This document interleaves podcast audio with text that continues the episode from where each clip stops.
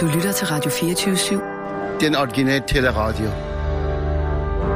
Velkommen til Flaskens Ånd med Poul Pilgaard Jonsen. Min gæst her i Fjersalskanappen på Frederiksberg i Flaskens Ånd er en, øh, en digter, en forfatter, øh, til med en øh, meget omtalt rost en af slagsen, en ung en af slagsen, og så er han også kaldt et sted en dystopisk undergangsforfatter. Det er Thijs Ørntoft, jeg taler om. Velkommen, Thijs. Mange tak. Denne her indledning for at nå frem til undergangsforfatter, fordi kongenialt, vil jeg næsten sige, med det, så har jeg fundet en vin til os, som jeg tror enten står umiddelbart foran sin undergang, okay. måske lige nu er midt i undergangen, eller er gået under. Jeg er meget spændt på det. Den ser også lidt tåget ud. det, det tror jeg bare er... Dukken. Det er dukken på flasken, fordi den er kold. Den er helt ny, Ja. og samtidig ved at gå under.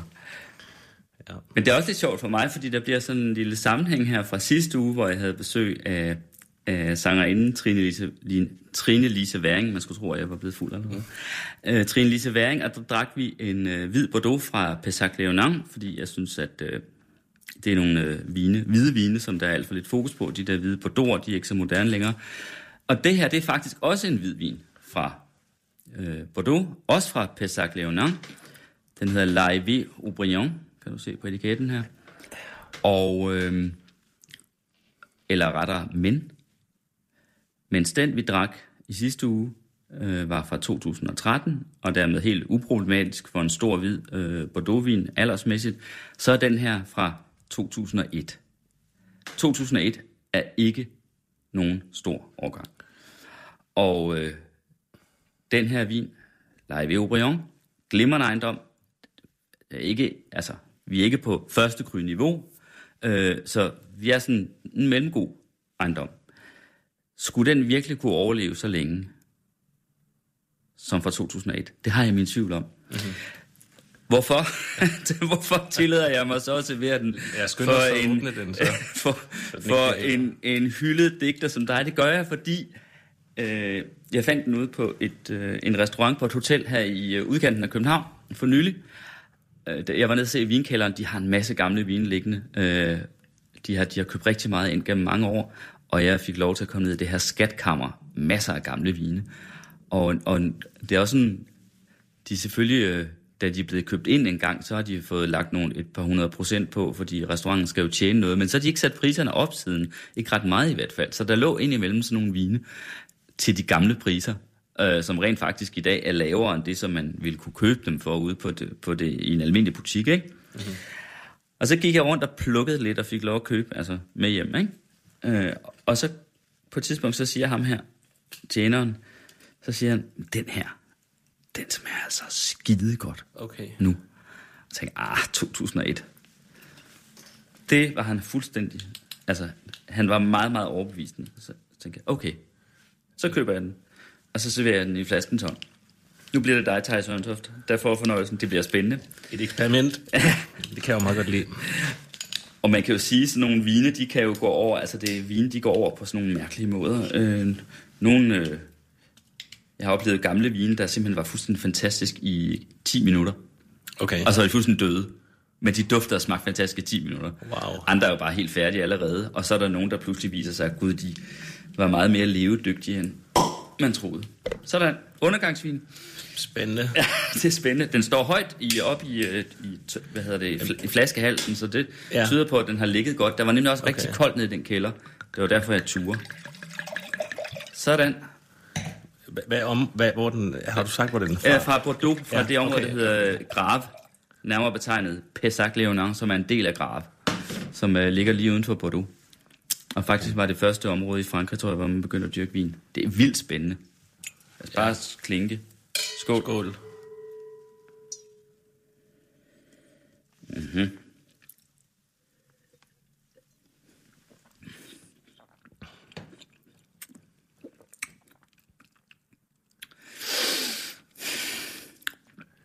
Jeg er jo ikke aficionado. Nej. Altså først og fremmest kan det jo godt drikkes. Ja, det kan det. Det kan det. Bestemt. Det er meget blidt. Eller sådan, Ja. ja, altså, der er ikke særlig meget syre og sådan, du ved, der er ikke meget attack i den. Nej, det er rigtigt. Det er en, jeg, jeg synes, det er en ældre dame, der ligger. Kan det passe, at man kan lugte, at den er, er, har nogle år på banen? Ja, jamen. Men det er ikke dårligt. Nej, nej. Altså, den er, den, det vælter op af den med, Ja. jeg ved ikke engang, hvad det er, det vælter op af den med. Det er alle mulige mærkelige dufte. Jeg tror, det er sådan, det er på et, sådan et Geronto-afdeling. Plejehjem med meget gamle ja, mennesker. Ja, der er et eller andet, der får mig til at tænke i den retning. Også. Er der det? Ja. Ja, det er sjovt. Ost måske, eller sådan noget. Ja, præcis. er, du egentlig ikke, er du egentlig ikke meget bange for at blive gammel og dø? Jo, det har jeg været. Jeg tænker ikke så Har meget. været? Ja, jo, altså, jeg har været meget bange for at dø. Mm. Men det er som om, det har sådan nogle bølgetop og bølgedale, eller sådan noget, hvor, hvor jeg ikke tænker så meget over det i nogle perioder, så tænker jeg meget over de andre. Jeg har- Jeg har været meget bange for det som yngre, Ja. hvad jo er lidt mærkeligt måske. Hvornår begyndte du at være det? Ja, men jeg synes, jeg kan huske, det er jo svært at placere de der, for i hvert fald for mig, store første oplevelser sådan aldersmæssigt, men jeg tror måske, det har været sådan i 5-6 års alderen, 5, 4-5 år, hvor jeg kan huske, at jeg lå og ligesom bare græd en hel nat, fordi jeg ligesom havde opdaget, at jeg skulle dø. Hvad jeg tænker, der er meget normalt for alle mennesker, at ligesom have sådan en første mm. indsigt i det. Og så var der, altså jeg har lidt meget angst igennem min barndom og ungdom, så jeg tror som 10 år eller sådan noget, der, der, der, der, der, der krakelerede der et eller andet inde, i- inde i mine tanker, som, som udløste en kæmpe ang- dødsangst, som varede mange år. Det blev ligesom sådan et tema op gennem min, min teenageår, at jeg ligesom tænkte på døden rigtig meget. Mm. Hver, hver dag, altså mange gange om dagen, og især om aftenen, når jeg skulle sove, lå og tænkte på døden. Så, og det har ligesom været sådan nogle, det har været sådan nogle, der har været sådan nogle kapitler, synes jeg, hvor det har fyldt enormt meget, den her vidsthed om, at, at der er sådan en, eller hvor det ligesom, ja, det har været meget depressivt på en måde i nogle perioder, i, i forhold til at prøve at finde ud af, hvad meningen så er, hvis man alligevel bare skal dø. Mm. Men, så, men så synes jeg også, det, det bliver også afløst af store perioder med, med eufori og Ja. meget livsenergi. Det er, jo, det er jo, angst er jo også en voldsom energi, som så bare er negativ, eller sådan tænker jeg tit. Så det, er sådan, det, det, det har tit været sådan en følelse af, at, at sådan en stor energi skulle eller blev placeret et eller andet sted, så var det i døden nogle gange, og hvis ikke jeg kæmpede for, altså det, for at placere det i noget produktivt eller positivt, så søger det hen imod noget, noget negativt af sig selv, af min oplevelse. At man ligesom nødt til at have, man har en, jeg har i hvert fald følt, jeg en, en akut livsenergi, som jeg hele tiden er bevidst om, skal placeres et sted, eller kanaliseres ind i et projekt, eller, eller en fortælling, eller et forhold, eller et eller andet. Hvis ikke at jeg selv hele tiden modulerer og arbejder med den livsenergi, så vender den sig imod mig og bliver destruktiv. Okay. Og det er tit med døden. Altså, Hvad, hvad kan du så gøre helt konkret for at holde den på afstand? Altså, skrive? ja, ja, det er jo oplagt. Det er jo det oplagte, Ja. ja. Ja, som jeg gør. Det er at, at bruge det til noget. Altså mm. øh, skriftligt. Skrive bøger. Ja. Gør du også andet, der holder den der angst fra, fra livet? Ja, jeg flytter mig meget, tror jeg. Ja. Altså, der, der er også, når jeg kigger på mit liv, så er der, så er der, så er der også mange opbrud. Altså, både geografisk og relationsmæssigt. Og, så det er også, jeg tror også, og det ved jeg ikke, hvor bæredygtigt det er. Det, det har jeg ikke rigtig noget overblik om. Jeg tror også, jeg føler, at jeg flytter mig meget mm. i mit liv. Øhm, men det er først og fremmest at gå og udtænke bøger, altså og så skrive dem. Det er også det her med at tænke på bogen, jeg er i gang med at skrive, som, som kan binde energien. Det, det er en helt klar følelse, jeg har. Det er, at jeg er på vej mod et eller andet stort, bilder jeg mig ind. Det er jo en indbildning på mange måder, ikke? Men jeg føler, det, det, det, jeg skal skrive en stor bog, og det, det, det, det kan jeg ligesom placere en masse energi i, den fantasi eller sådan noget. Mm. Ja. Jeg griber lige til glasset, Thijs Ørntoft, fordi Den- øh, den er hvis virkelig- nu det er en af dem, der en af dem, der blomstrer op, og så dør en hurtig død, så er det jo med at være med. Så er det med at være med på opturen her, ikke? Før vi skal nedad. Ja. Det dufter nu altså ret godt, det gør. Ja. Altså, den her vin er faktisk ikke død. Aha. Det er den ikke. Den, øh, og den er ikke engang, altså, den er ikke engang noget sådan et stadie, hvor den, man må sige, at, øh, at, at den er gået så meget over, så man for eksempel ville kunne sende den ud på en restaurant og sige, at den der vin er altså for gammel. der vil man bare sige, at det her det er en, virkelig en fuldmoden Ja, hvid. ja. Det er jo Grad. nærmest en gul, gul vin. Altså, mm. den, den har jo nærmest... Øh, ja. Den er blevet mørkgylden med tiden, men, mm. Men prøv at drikke af den. Fordi jeg sidder og tænker på, om der dog ikke skulle være en lille flaskeånd i den her, faktisk. Ja. Altså, at den måske kunne have lidt... Øh, Du er glad for den? Ja, og jeg synes, jeg ligesom kan begynde at mærke et eller andet sted i kroppen, at den gør lidt... Altså, den har lidt effekt på en eller anden måde. Ja, jeg ved ikke, ja. hvordan jeg skal beskrive det andet, end det er sådan en lille... En let citron ind i mig. Ja, ja, ja. Det ved jeg ikke, det om- kan jeg godt kan du mærke det? Jeg kan godt gå med på det, ja. Hvad er procenten i den? Jamen, det, men, Jeg er måske men, ikke men, med det men hør, prøv lige at høre, Thijs, det er jo det, der er sagen. Det hele præmissen for programmet her, det er jo, at jeg påstår, at der kan findes noget i vin, en slags, øh, en slags energi, noget, der gør noget ved en, som ikke har med alkoholen at gøre. Ja. Og den her, den har, den har, den har bare 13 procent, fuldstændig normalt for ja, en vin. Ja. Nej, det er flaskens ånd, der er i den. Og altså, nogle gange viser den sig, altså den kan jo begynde med at vise sig som en, en, lille føl, en følelse af en lille citron. Ja, ja, ja. Kan du mærke ja, den den også? Den, den synes jeg, at jeg kan mærke, ja. Fordi det, vi har det, kun vil jeg- drukket to øh, slurke, så det Ja, er jo ikke, ja, ja. fordi vi er blevet påvirket af alkoholen. Ej, hvor er det godt. Vi tager en mere, gør vi ikke? Jo, jo, det tænker jeg også. Altså nu er det jo i virkeligheden ikke på grund af, af det der med din øh, dødsangst, at du er altså, blevet omtalt som en, en øh, undergangsforfatter, øh, men fordi du har skrevet øh, øh, både digte og bøger om øh, klimakrisen. Mm-hmm. Altså, mm-hmm. Øh, eller det forestående Ragnarok, som så kan være klima, men måske også noget andet. Mm. Din seneste roman hedder Solar, ikke? Jo, Og det er den første roman også. det er det. Det er digte, du har skrevet tidligere. Ja. Og, og der, hvor du blev virkelig kendt, det var den digtsamling, hed den Digte 2014. ikke? Ja. ja. Det må egentlig været sjovt at blive sådan en star fra den ene dag til den anden. Ja, jeg tror ikke rigtigt, altså jeg har aldrig he- helt kunnet mærke det, altså jeg har det meget dobbelt med det, jeg, jeg er ikke så god til at mærke, hvordan jeg virker øh, ligesom offentligt, tror jeg. Jeg bilder mig bare, eller det gjorde jeg i hvert fald med digte 2014, kan jeg huske, at det var ligesom sådan, når jeg, jeg følte bare, at det var bare noget, jeg havde skrevet på min computer, kan jeg huske. Jeg, det, det blev ved med at være sådan en tanke, jeg havde. Mm. Så, øh, men jo, jeg forstod da godt, at der skete noget, og det, har, det synes jeg, der har været, det har da været sjovt. Men så holdt du op ja. med at skrive digte. Ja, det gør jeg, ja. Hvorfor? Jamen, jeg tror bare, at der skete noget ret sådan... Jeg, jeg havde en, en, en følelse af, at jeg ikke kunne skrive flere digte lige på det tidspunkt, at det var ligesom sådan... Altså, jeg har virkelig ikke skrevet digt siden digte 2014. Ikke det eneste. Nej, det er sådan noget 5-6 år siden, jeg skrev den, ikke? Så mm. det er alligevel ret lang tid siden.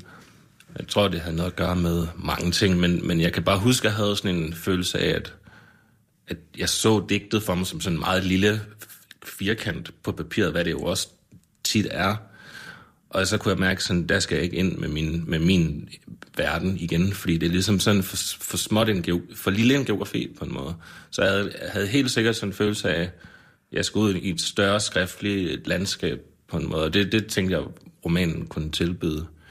Men så havde jeg så det problem, at jeg ikke troede, jeg kunne skrive en roman, fordi jeg føler mig meget digteragtigt sat sammen i mit hoved, tror jeg. Så jeg, jeg havde nogle år, hvor jeg sådan gik og kæmpede med det identitetsmæssigt, det her med sådan, jeg kan ikke forestille mig at skrive digte, jeg har ikke lyst til det, men jeg kender ikke nogen alternativ. Altså det, det, det, det var ligesom sådan, der var nogle år der, hvor jeg var lidt sådan på mellemhånd okay. med min form, kan jeg huske.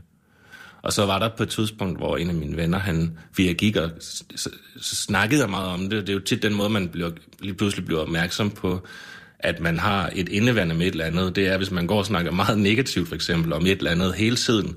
Jeg skal aldrig have børn, for eksempel, så hvorfor snakker man så så tit om det? Og sådan havde jeg det også med romanen. Jeg snakkede rigtig meget om det med mine kollegaer, og sådan noget, det her med, at jeg ikke kunne skrive en roman. Men så, så var der på et tidspunkt en, som sagde sådan, at øhm, så kan det være, det er det, du skal gøre, når du snakker så meget om, at du ikke kan gøre det. Ud fra det visen, at det, du, ligesom, du er nødt til at gå derhen, hvor du har et indeværende, eller sådan noget. Mm. Noget, noget, du ikke er sikker på, du kan præstere på en måde. Mm. Men det er sjovt. Nu sagde du lige før, at, øh, at den der lille firkant på papiret, som udgør et digt, ortografisk, eller hvad vi skal kalde det, øh, rumligt, ikke? Øh, det var ligesom blevet for småt. Der skulle du ikke ind igen. Der skulle ligesom nogle større universer til, på en eller anden måde, ikke? Øh, og så kommer jeg til at tænke på et interview, jeg har læst med dig, hvor du øh, siger øh, noget i retning af, at øh, det er faktisk ikke noget i retning af, for jeg har skrevet det ned her på min blog. Der flyder kaos og kosmos, og kosmos det er jo alting, det er altet, ikke? Der flyder kaos og kosmos ind i et hvert sekund, eller ind bag hvert mm. sekund. Mm. Altså hvilken som helst ting, man foretager, altså ligegyldigt hvad der er, hvad man Ja. gør, hvad man findes, så er der en under, hvad skal man sige, strøm, kan vi kalde det det, Ja. af kaos og kosmos. Altså Ja, det vil sige, ja, ja. tingene er ikke bare som de ser ud, ikke? Mm. Så nu når vi sidder her i kanappen hjemme hos Paul Pilgaard, mig, ikke? og drikker live i Obrion 2001, og du snakker, og jeg taler med dig, ikke? så er der også øh, kaos og kosmos nede under os, Ja, bag det her, den her samtale. ja, på en måde, ja. Eller i hvert fald så har jeg altid haft en læsning af virkeligheden, som er meget dobbelt, tror jeg. Altså, jeg, jeg, jeg er til stede nu og her, og vi sidder her på Frederiksberg 2018, og mm. den der vin har sin etiket på, og vi laver radio til Radio 24 og sådan noget. Og så samtidig med det, så er det også, så er der også et, hvad kan man sige, der er også en mytisk dimension til under hverdagen for mig hele tiden. Altså det, det, det, det er sådan, jeg tænker meget virkeligheden, tror jeg, at der både er hverdag, og så nedenunder er der noget mytisk. Altså det, det, det, det er den følelse, jeg har. Når Og hvad mener du med mytisk? Jamen, jeg mener for eksempel, at hvis man går ned i... Øh, ja, nu har jeg lige så skrevet et essay om ulven, hvor jeg har- faktisk har skrevet om det her, og der, der, jeg, jeg, der kom jeg så til at tænke på, mens jeg skrev det, at, at jeg, der gav jeg nogle eksempler på det, som, som er sådan noget med, at... Jamen for eksempel, så lad os tage en fødsel eller sådan noget. Der, der er en kvinde lige nu, som føder op på riget, og hun ligger med slanger, eller hvad man nu gør på fødeafdelingen, mm. et eller andet. Og, øh, og så samtidig med, at det er en, en hverdagssituation i 2018, så er, det også, så er det også en mytisk situation på den måde, at det er et kvindedyr, som føder en unge. Det er en, det er en arketypisk begivenhed på en måde. Det, Kvindedyr, der føder en unge. Ja, ja, eller hvis man går ned i metroen, så, har jeg også, så kan jeg også tænke mig, at jeg går ned i underverdenen. Altså, i, i, jeg går ned i underverdenen, jeg går ned i Hades, eller Hell, eller hvad, hvad, mm. hvad det nu hedder rundt Eller omkring. helvede. Eller helvede, ja. Og, og, og, og metroerne, det er hvide orme, der snor sig gennem underverdenen, og de bringer mig et andet sted hen, og jeg træder op, og så går jeg igennem en eller anden storby, og så er der så, så er der en kvinde, der lokker ind fra en gyde, og hun er en sirene, for eksempel. Altså, det er på den måde, det skal forstås. At der, der er også, man kan, jeg føler hele tiden, man kan oversætte. Og en sirene, det er, Jamen, det er, jo den her lokker- mytiske skikkelse, som, øh, som, hvad skal man sige, lokkede sømændene, og, og til gengæld så må de så lade livet, hvis de Ja. gav efter for Ja, ja, ja. trangen til hende, ikke? Jo. Det er forførsken. Netop, ja. ja. Men øh, ja, nu tog du lidt glas. Ja, undskyld. en sluk. Nej, det skal du ikke undskylde. Tværtimod, jeg glemte det bare, eller jeg var lige så optaget af at tænke på de her sirener. Jeg skal ikke engang lige noget mere glas. Jeg vil faktisk gerne have, at du, Er drikker, at du drikker godt af den. Ja. Øh, og øh, altså, jeg sidder hele tiden med sådan den der, den der indledende citron. Den er ikke blevet Ja. ja. mindre i mig Nej. overhovedet. Jamen, jeg er også tilfreds. Så jeg tænker, ja, måske skal vi bare lige prøve, lige, skal vi bare lige prøve at sidde 30 sekunder. Jeg bare sidder og mærker efter.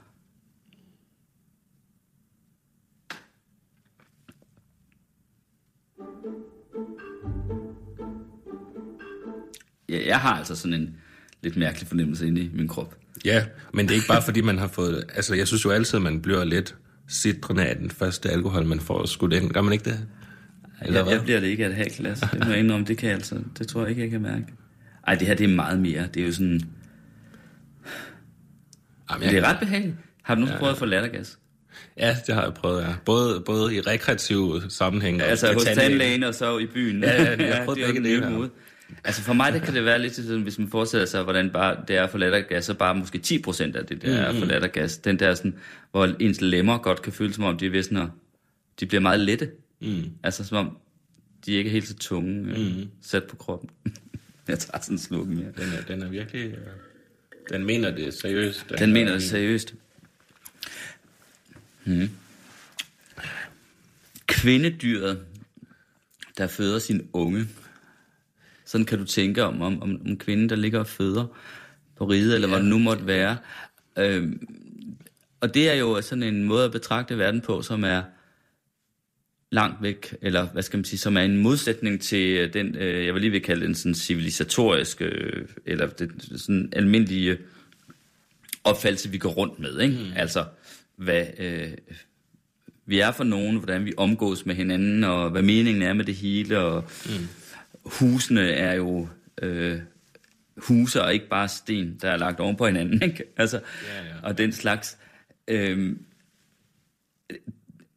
jeg kan ikke lade være med at tænke, at det må være lidt svært at være en som dig i en tid, i de her år, hvor, øh,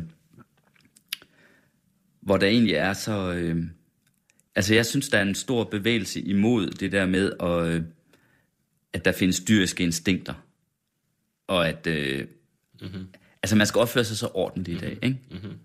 Og ja, det er ikke for at tale MeToo øh, ned eller et eller andet, men det er jo noget med, at vi er meget hurtige med pegefingeren, hvis der er nogle mennesker, der har givet efter for deres, hvad skal man sige, dyriske lyster eller instinkter. Ikke? Mm. Altså, vi skal kontrollere os. Mm. På den måde kan man jo sige, der ligger, altså ligesom man havde i, øh, øh, i, i, i gamle dage, hvor man skulle holde på formerne osv., så, videre, så handler det altså om, at en del af civilisationen er, at man ved, hvad man må og hvad man ikke må, og at man i jagt har nogle forholdsregler for omgang med hinanden osv. Mm. Altså, hvis man ser på et fødende kvinde som et kvindedyr, der bare føder sin unge, ikke? Mm. så tænker jeg, at hvis du ser sådan på mennesker i det hele taget, den måde, vi lever på, så må der være en øh, form for, hvad kan vi skal kalde det, diskrepans, altså en mm. Modsætning. Forstår du, hvad jeg mener? Man kan også sige det meget, jeg, okay, jeg roder mod noget her, jeg ved ikke, om det er vinen. Man kan også bare sige, at det må være svært for dig at være politisk korrekt. Ja, altså det, det, det er jo det, det er kommet til at hedde, alt det der. Mm. Ja, altså det, det er jo, det, der er i hvert fald, jeg, jeg, jeg tror, jeg står meget ambivalent i forhold til den, den store samfundsdiskussion, som der er, fordi jeg tror mere, jeg har følelsen af, at jeg rundt omkring på lokalplan er meget enig i nogle ting, der bliver sagt fra alle mulige fronter eller sådan noget. Så det, jeg, jeg, jeg tror ikke, at det er slet ikke for at hæve mig over det, men jeg tror ikke, at jeg har en følelse af at høre til noget stabilt sted i, på de der i de der fraktioner, som er enten politisk korrekte eller politisk ukorrekte og sådan noget.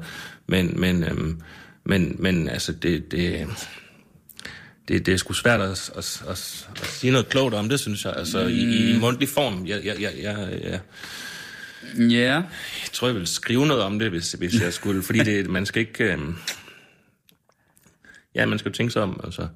Men, øhm, men jeg tror bare i forhold til jeg tror, jeg bruger det meget som en... Jeg synes, det er spændende at kigge på virkelighedens i forhold til den her dobbelthed. Jeg synes, det er spændende at gå rundt i Kvickly og købe ind og tænke, at øh, selvom det lyder så banalt, så synes jeg, så får jeg, så får jeg et eller andet ud af at tænke, at nå, men der er både nogle mennesker, som går rundt og putter englemark, mælk og øh, peanut butter ned i deres røde kurve. Mm. Øh, og samtidig er det også øh, nogle en gruppe aber i deres habitat, som finder føde eller sådan noget. Det, det, det, det tror jeg, jeg synes, der er... Ja, for mig der tilfører det egentlig bare dybde til min virkelighedserfaring, tror jeg. Det, det er ikke noget, jeg sådan... Øh, jo, nogle gange lider jeg, nogle gange bliver jeg vred over, at andre ikke kan se det samme som mig, men det gør vi jo alle sammen, altså, tænker jeg. At de ikke kan se, at de der handlende, jeg ved de ikke, der går rundt og, og handler i brusen i virkeligheden, er hvad, hvilket udtryk var det, du brugte? Jamen, en flok aber, der går en rundt flok aber i deres habitat. Ja, som finder føde. Altså, det, er jo, det, det synes jeg jo, at det er jo, det er jo usandsynligt banalt på en måde, ikke? Men, men så, så kan det så bare undre mig, at der ikke er flere, der siger, ja, præcis, når man øh, præsenterer dem for den... Jo, for men så må du, Thijs Hønsoft, alligevel et eller andet sted have det svært med, eller i hvert fald have en overvejelse om, om øh, om det med, at de fleste mennesker jo ikke går rundt og, og egentlig ser os øh, som dyr. Mm.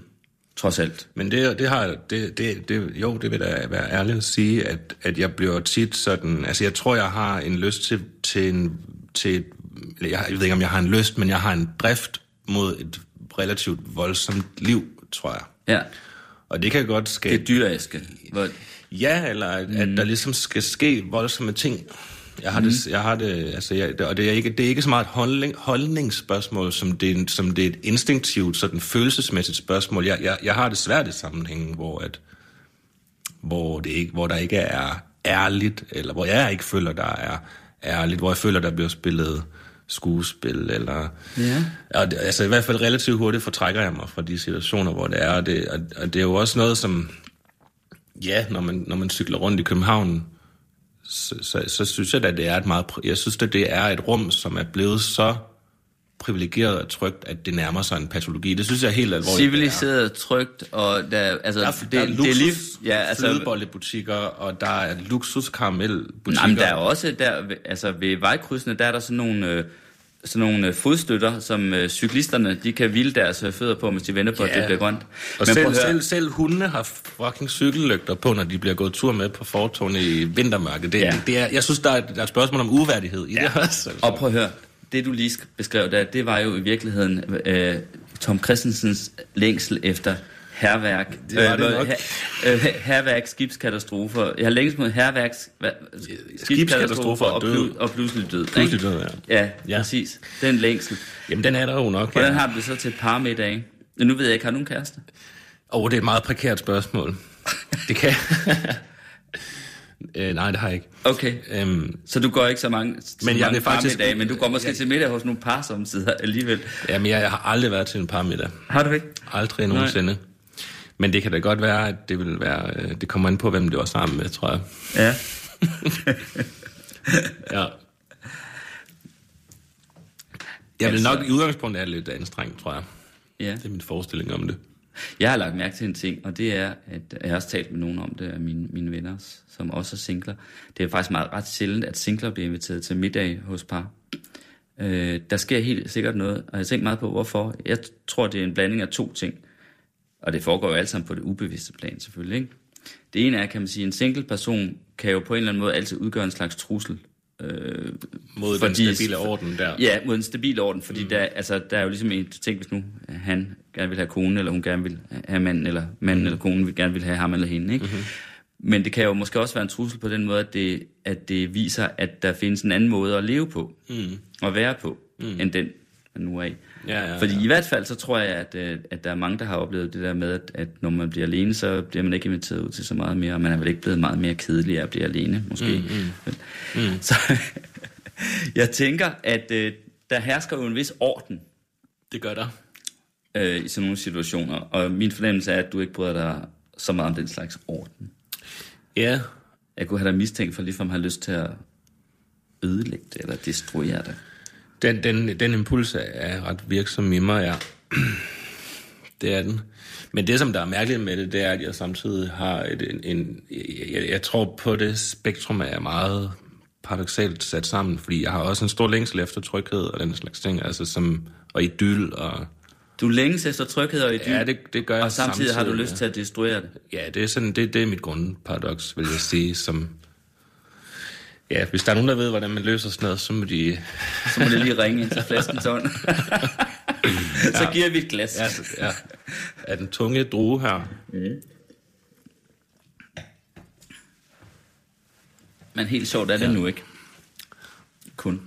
Nej. Nej. Hvad er det, du længes, hvis du længes efter idyl, øh, siger du, og harmoni, hvad er det, som du forestiller dig? Jamen, jeg tror... Det er svært at sætte, sætte sprog på det, tror jeg, fordi det, det er meget sådan en... Det, det, det, ja, men jeg tror, det har noget at gøre med en, en eller anden følelse af, at det vil... Det kan godt være, det lyder lidt patetisk, men det, jeg kan ikke forestille mig at opnå den idyll. Altså, jeg kan ikke se mig komme derhen. Øhm, så det er måske sådan noget, græsset er altid grønnere logik. Det, det, det ved jeg ikke, om det er, men, men jeg, måske er det bare et fravær af, af angst og uro. Og, du nævnte selv noget med som- børn før, og du er 34 nu. ja, det, det, det, det er meget hypotetisk for mig. Så der, er jeg jo, det var ikke noget, jeg tænkte over for, for 5-10 år siden, men, men så er det jo bare sådan i min alder, at der begynder folk at få børn og sådan noget, så der, så der er man på en anden måde ligesom konfronteret med det. Det føler jeg i hvert fald med det spørgsmål, som er, om man selv altså ligesom skal, skal ind i det. Og det, det, det, det, det føler jeg, det, det, det skaber sådan et identitetsmæssigt vadested i mit liv, som jeg ikke har prøvet at... Det kan jeg ikke huske, jeg har stået i før. Altså det her med sådan... Ja, hvad, hvad, hvad, hvordan, hvad, hvad skal jeg med det, som jeg ser min omgangskreds begynde at gøre? Hvis jeg ikke... Altså, og, så, og så er det, det underlige er, at det er som om, at min, min, min hjerne så har spaldet ud i sådan to veje videre. Den ene det er sådan en ly- lysets vej, og den anden er mørkets vej. Og det, der, jeg tror, det er to- totalt forkert. Men, men, men øh, der, er ligesom en sådan en bekymring i forhold til at gå mørkets vej. Så hvad end det er. Jeg ved ikke, hvad det er. Mm. Hvis ikke man følger ligesom samfundets normer, eller hvad man nu kan kalde det. Den der lyst til at destruere idyllen, eller måske er det snart billedet af idyllen, det ved jeg ikke. Øh, hvad er, prøv, prøv at fortælle om den. Hvad er det for en trang? Ja, altså jeg, jeg, jeg tror, jeg kan huske, at jeg præsenterede den for en psykolog engang, som sagde noget, jeg synes var klogt, og som var, fordi jeg, jeg har altid koblet den her, hvad man nu kan kalde det, destruktionstrang over for øh, idylliske situationer og sådan noget, som, som, som dødsdrift eller sådan noget. Altså man ligesom, hvor, hvorfor har man lyst til at udlægge noget, der er velfungerende? Det må have med dødsdrift at gøre, eller det må have med noget, mm. som ikke følger nogen, nogen, nogen gode kræfter eller sådan noget at gøre.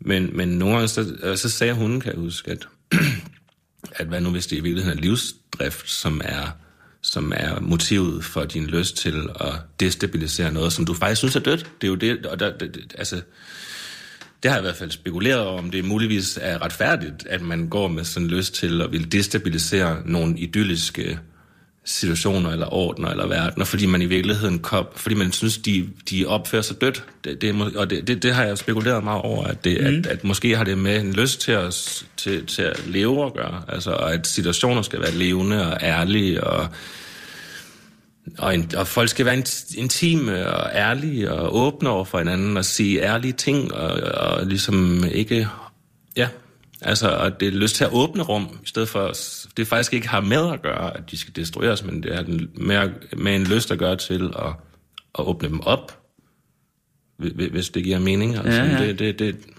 Jeg det, forstår og det godt. måske er det begge dele, det kan også godt være. Ja. Hmm. Altså, ja, jeg kan forstå det sådan, hvis det er, altså hvis det er den sidste mulighed der, psykologens forslag, så må det være fordi, at du i virkeligheden ser det som en art illusion. Øh, den her idyl, eller øh, om man så må sige, Ja. den gode stemning. Ikke? Jo, det behøver jo, jo. ikke være, ved, være et par, eller ved en parmiddag, eller et eller andet. Mm. Øhm, du arbejder på en højskole, har du ikke? Det har jeg jo. Ja, gør du stadig det? Nej, Nej. det gør jeg ikke mere. Hvad var det for en? Testrup Højskole. Testrup, ja. Mm. Øhm, altså, der er der jo virkelig øh, sammenhold, og forestiller mig, og Mhm. fællesskab, og mm. hvad hedder det, sådan mm. en, sl- en slags idealistisk øh, mm. samvær med hinanden, ikke? Mm. Altså, mm. hvordan havde du det med det? Jamen, det havde det, jeg, havde, jeg synes, det var spændende at undervise. Altså, det var meget mit rum på, altså, der var mange ja, forskellige ting. Nu lyder du som en politiker, der på Jeg synes, det var spændende under Ja, nej, men det, nej, men det er bare for at dele det op i nogle rum. Ja. Fordi at det at være højskolelærer, det bestod af nogle forskellige ting, ikke? Mm. Og jeg synes, der var nogle ting, som jeg godt kunne lide, og nogle ting, som jeg ikke så godt kunne lide. Og, det, og, det, og, og, og jeg, kunne, jeg, jeg kunne allerbedst lide at sidde og undervise. Det havde jeg det rigtig godt med. Jeg, der, der følte jeg virkelig, at der var... Nu, snak, nu snakker vi ærligt, apropos det, som vi lige har snakket om, at mm. der, det, var, det var det rum, jeg havde med eleverne, hvor at jeg følte, at der var en ærlig udveksling, og en interessant udveksling, og en substantiel, eksistentiel snak, altså mm. om hvad fanden tekst er, og litteratur er, og livet er, og sådan. Ikke? Så det rum, der havde jeg det godt i. Og så, og så, øh, og så, er det, så, så er det klart, at der er nogle gange, det kan jeg da huske, at øh, det er ikke fordi, der skal lide nogen kritik imod det, men det er bare en personlig ting, at, at, at, at der er jo også nogle ting som med fællesskaber, som, som er meget glade. Det er jo derfor, jeg nævner det, Så- fordi ja, jeg det jeg forbinder mig. højskolerne også med den, det her store glæde fællesskab, Ja, ja, ikke? Og det synes jeg, kunne jeg forestille mig, at du... ja, ja, ja, det mig ikke så øh, godt, nej. Nej, gør det havde det du også lyst til at destruere, måske. Ja, jeg, jeg ved sgu ikke rigtigt, hvad man skal kalde det, men det er i hvert fald noget, det er i hvert fald noget med, at jeg altid, tror jeg, har stillet mig lidt i udkanten af fællesskaber, mm. uden at vide hvorfor.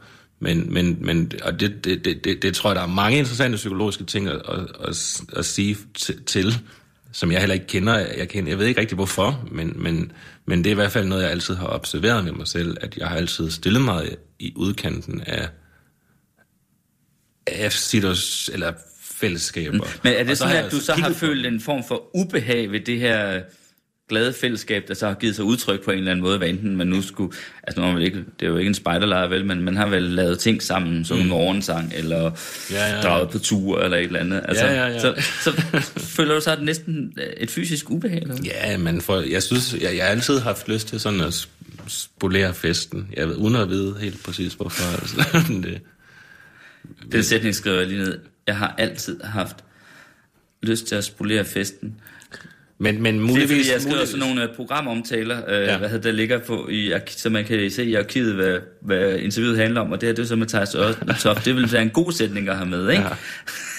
Men muligvis for at tale til mit eget forsvar, så, så, Ja. så, skulle det jo, så er motivet jo, at der skulle stables en endnu bedre øh, fest på benene, hvis man gjorde det. Altså, det er jo lidt det, der er tanken, tror jeg. Mm. Jeg ved det ikke. Jeg tager lige uh, de glas og hælder lidt op til dig her. Prøv at, lige bag ved dig, derovre i hjørnet, kan du ikke prøve at tænde den uh, kontakt der, der så får vi... Uh, ly- nej, uh, jeg tror helt derop. Jo. Nå, så skal du også uh, ned på ledningen der. Der, der, er, altså, der er sådan en bordlampe her på. Der sidder sådan på ledningen, der sidder der en kontakt. Sådan! Perfekt. Og nu er det sgu da hyggeligt. Ja, ja. Ja, endnu mere hyggeligt. Lige noget. Ja. vi optager det her program øh, en aften, så derfor er det faktisk... Øh, derfor er det jo øh, skumring nu. Ja, det Ja. er det faktisk. Hvad har du haft? Hvad havde du det med skumring, da du var barn? Øhm, relativt dårligt husker det samme. Altså, jeg, jeg, jeg knytter meget aften til noget negativt. Det, det, det, det gør jeg. Jeg kan huske sådan, at øh, jeg altid... Altså, fra jeg var 10, så gik jeg sådan, tænkte sådan, når, når, når det bliver aften, så skal man, så skal, så kommer, så skal jeg have angst, eller sådan. Så det, det, Det, så skal du have været. angst. Altså, det var, det var meget sådan en, det var dagens mønster, ligesom at Okay. gå og vente på det, ligesom for enden af dagen kom der det.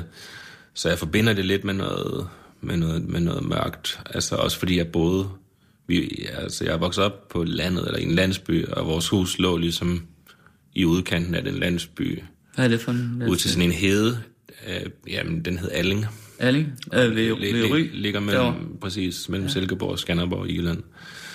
Og så lå mit, jeg havde værelse med vinduer ud til en hede, og kunne se, jeg kunne se Himmelbjerget derfra, og så kunne jeg se skoven og sådan noget. Så, og det, det, det, det, det ser jo ind i mig som et mørke, det der aften. Altså det, det gjorde det meget, at længtes efter at bo i byen. Jeg tror, at jeg ville have passet bedre til at være vokset op i, i København eller Aarhus, eller bare en eller anden by, som, som var lidt stor i forhold til at vokse op på landet, fordi jeg brød mig ikke om det.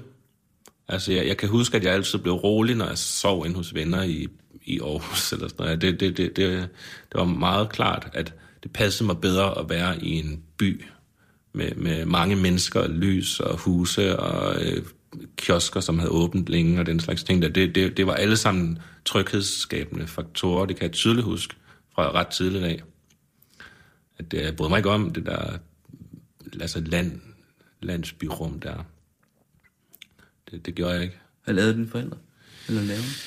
Min far var læge, øh, og så øh, og min mor var sygeplejerske, men så blev hun så, så kom hun på det jyske kunstakademi, så hun uddannede sig til at blive kunstner, hvad, hvad hun er i dag, billedkunstner. Havde du søskende? Eller har du søskende? Har to søstre, Okay. lille søster og en stor søster. Så, øhm, så, og det var meget kerne, så blev de skilt, da vi var, jeg var 15 år gammel, tror jeg, da de blev skilt og sådan noget. Mm.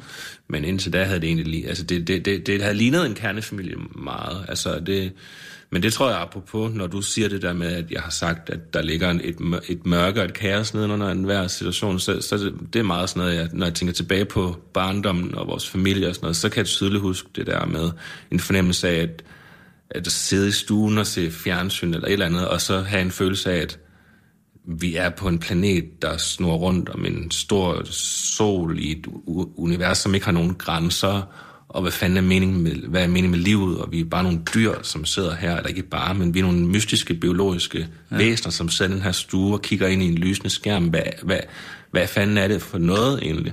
Jeg kan ikke knytte det til at være et trygt barn. Altså, der, der var ligesom hele tiden sådan, nogle, sådan en følelse af noget, altså at kigge ind i en træstamme ude i haven for eksempel, det var også meget sådan, øh, det, det var fuldt af øh, altså, midder, og, altså det, det, det, det, det kan jeg huske, da jeg stødte på David Lynch, altså at, at det, det, det, det, det, er fuldstændig den barndomserfaring, han beskriver i sine film, som er, at, at den her, det her idylliske, i hans tilfælde amerikanske forstadsrum, det, er- det er i virkeligheden fuld af bakterier og ondskab og kaos og mørke og psykotiske mennesker og sådan noget. Ikke? Det er hele tiden den der dobbelthed mm.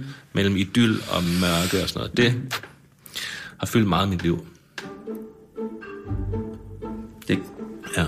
det kunne være, at... Øh, det kunne være, at du også fornemmede den øh, forestående undergang i din familie dengang. derhjemme, Ja, altså når de, jeg sad der foran fjernsynet? ja, det, det, det, det kan sgu godt være. Altså, de påstod altid, at de aldrig nogensinde skulle blive skilt og sådan noget, men det, det blev de så. Det er ligesom folk, der siger, at, at de aldrig skal have børn. Var det ikke det, var det, det du brugte i begyndelsen? Ej, det har Så. De, der taler meget om, at de have børn. Ja, ja, ja. I virkeligheden, jo, jo, jo. Ja. Men du fremmanede også lige sådan en rigtig uh, David Lynch-agtig stemning der, lige før i din beskrivelse af dit barndomshjem mm-hmm. og haven der i Ry. Mm-hmm. Altså, det er jo, hvad hedder det? Det er jo Twin Peaks. De store skove. Mm. Ikke? Mm. Jo, det er De det. der dybe, mørke, store skove. Ja, Ja. Hold op. Den, den virker godt, vinen her. Gør den det? Ja, det synes jeg. Kan du mærke det? Ja, det Fedt. fungerer rigtig godt. Der er ikke noget så godt, som når der er rigtig flaskeånd i flaskens ånd. Men det er en udfordring også at, at drikke den, vil Er det? Ja, det, altså det er ikke sådan en, uh, man, det er ikke sådan en forårsvin, man bare høvler ned, altså, Nej. som citronvand.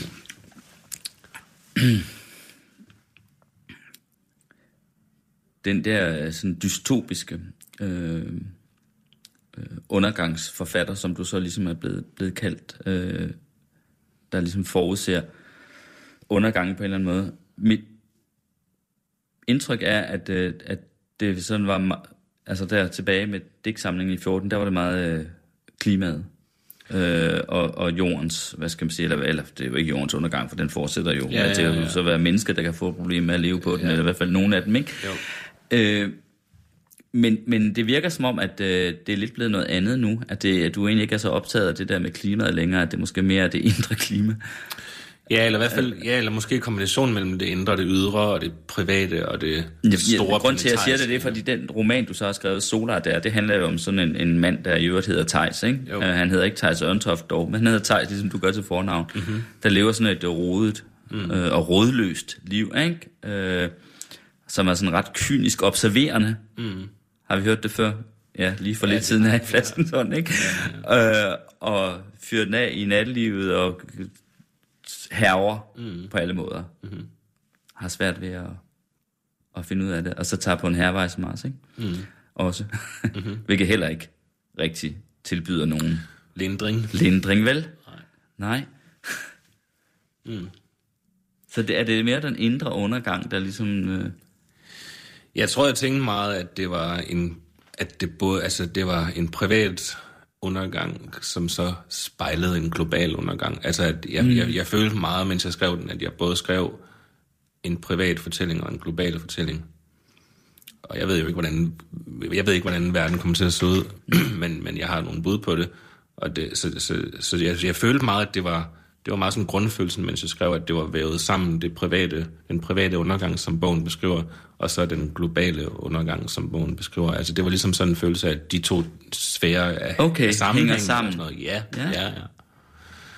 Altså, så jeg vil sige at stadigvæk, altså, det er ikke fordi, jeg har vendt, det er slet ikke fordi, jeg har vendt opmærksomheden væk fra det, fra det globale, økologiske, planetariske rum overhovedet.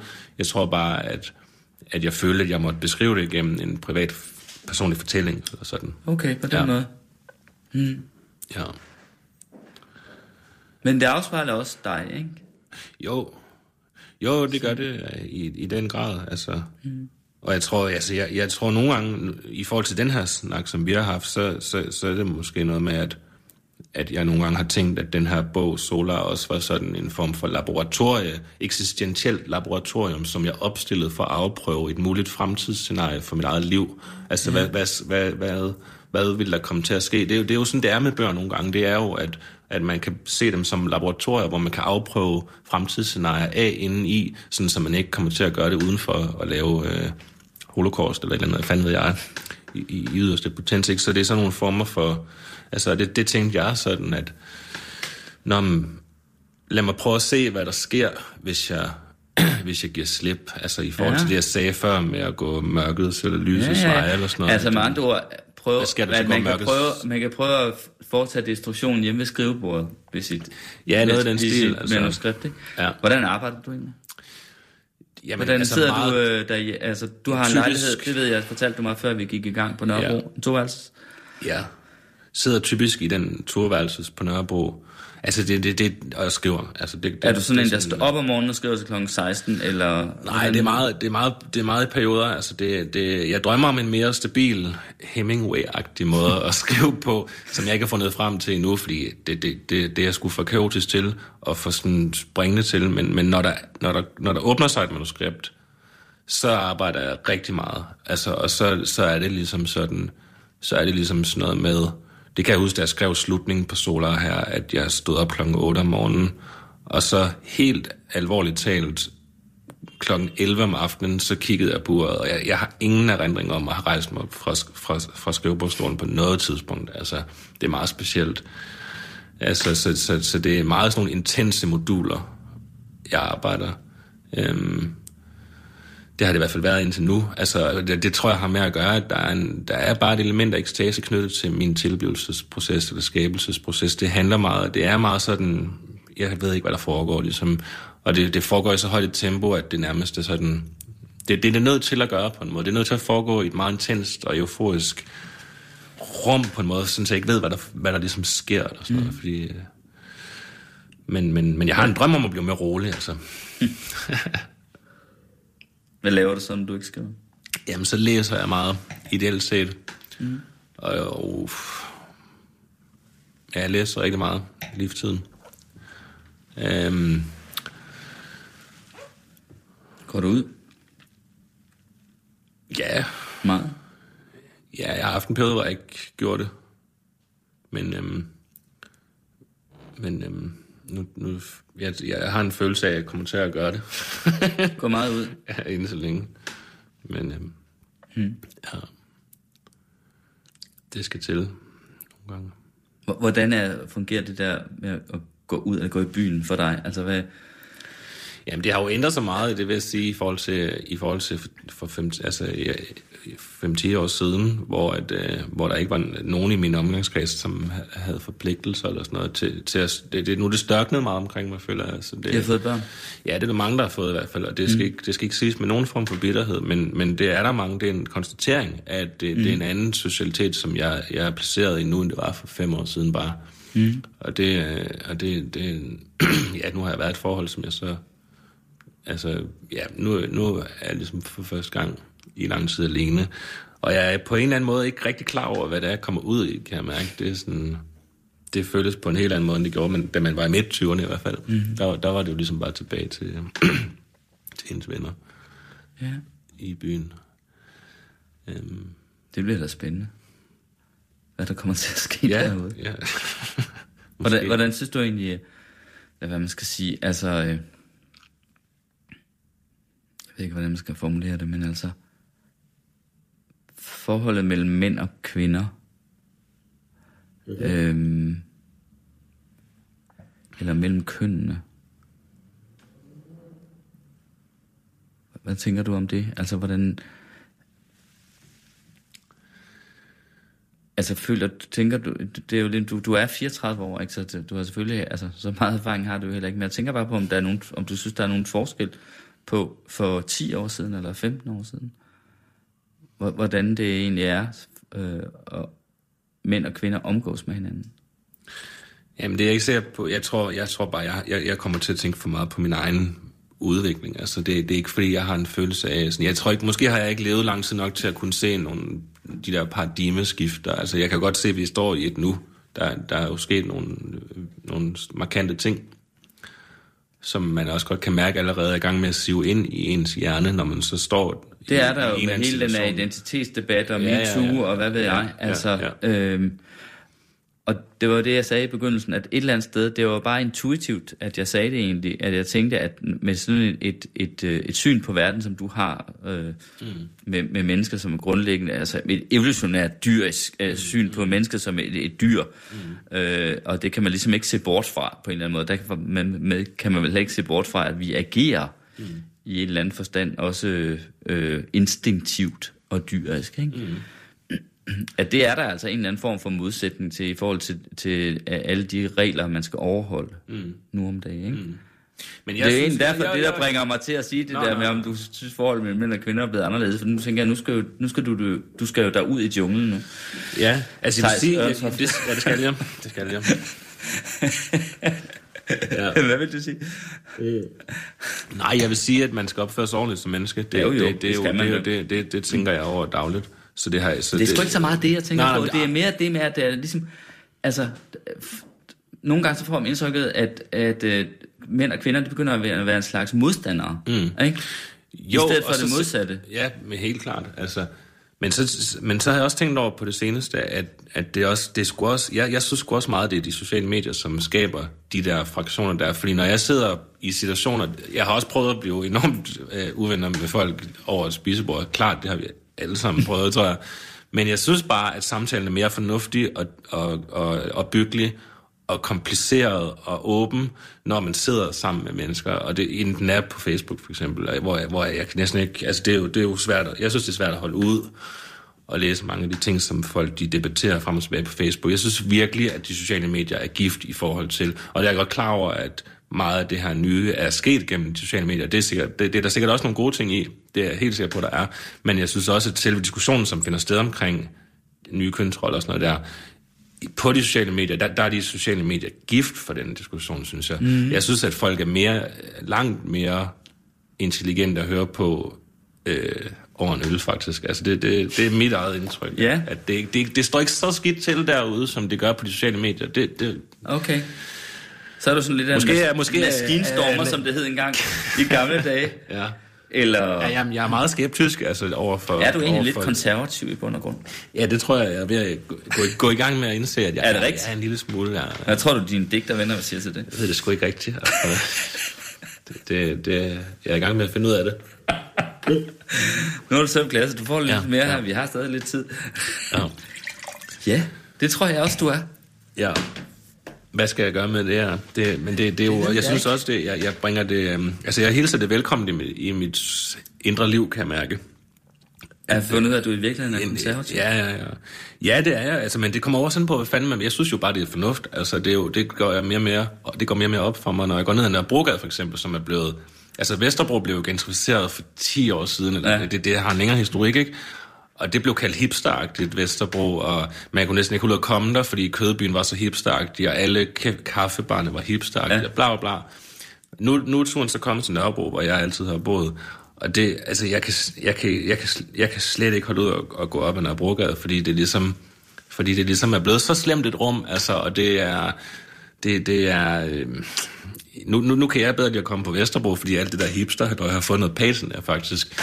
Og det er sådan, men, men det er fordi, at jeg savner allerede, kan jeg mærke, nu Louises lukket på Nørrebrogade, som mm. var det her mm, sorte hul på en måde Ja, af, nat- mor, af morgens, morgens værtshus, som, som lå lige ved søerne, og det, det, det blev lukket, fordi der var for meget kriminalitet og sådan noget der. På en eller anden måde, så ja, det er svært at, det er svært at argumentere for, hvorfor det er en god ting, at der er et sted, hvor der radierer meget kriminalitet ud fra, men det er et kaoselement, og det er som om, at alle kaoselementer op gennem Nørrebrogade, de er ved at blive udraderet til fordel for steder, hvor folk de ja, sidder og svinger. det der men, men også klamme udsagn rundt i glasset. gamle Altså. Dage, ikke?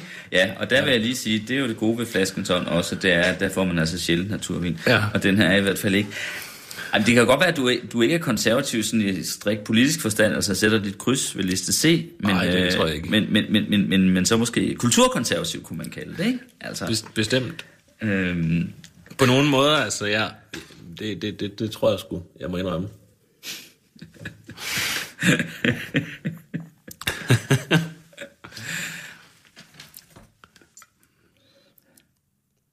hvordan har du det med den her vin inde i nu? Jamen, nu synes jeg, den begynder at... Øhm, jeg synes ikke, det sidder længere. Jeg synes, Nej. det er... Men den gør godt, altså. Ja. Det synes jeg virkelig, den Men gør. du har fuldstændig ret. Den sidder nemlig ikke længere. Nej. Men vi havde lige tre kvarter Ja, ja, ja. her, hvor den arbejdede inde i os, ikke? ja. På en elegant måde. Hold da op. Men nu er den blevet lidt mere tung. Ja, nu er den bare... Altså, det smager stadig udmærket, sådan, men nu ligger den bare sådan lidt, ja, mm. inde i en, som hvis man havde drukket en almindelig vin, ikke? Mm. Eller mm. et eller andet andet, ikke? Mm. Så med det der citat, jeg begyndte med, med øh, af dig, at der flyder kaos øh, og kosmos inden bag hvert sekund, så er det jo sådan set den vin, der har haft den, øh, den der har haft en Ja, funktion her. Det er Det, er faktisk ind bag samtalen. Jeg vil sige, at hvidvinen her, den har lige taget toppen af hverdagen. Det her... Thijs Løntoft, tak fordi du kom til, ja, selv tak. hjem til mig i Karaben, Flaskentårn, hos Paul Pilgaard, og øh, det var Nette Birk, som øh, producerede udsendelsen her. Hun hentede faktisk også et glas undervejs. Jeg tror, blev meget nysgerrig over, over den der indledende snak om det citrone, så jeg er ret spændt på at høre, hvad hun egentlig selv synes om den. Skål. Skål. Skål.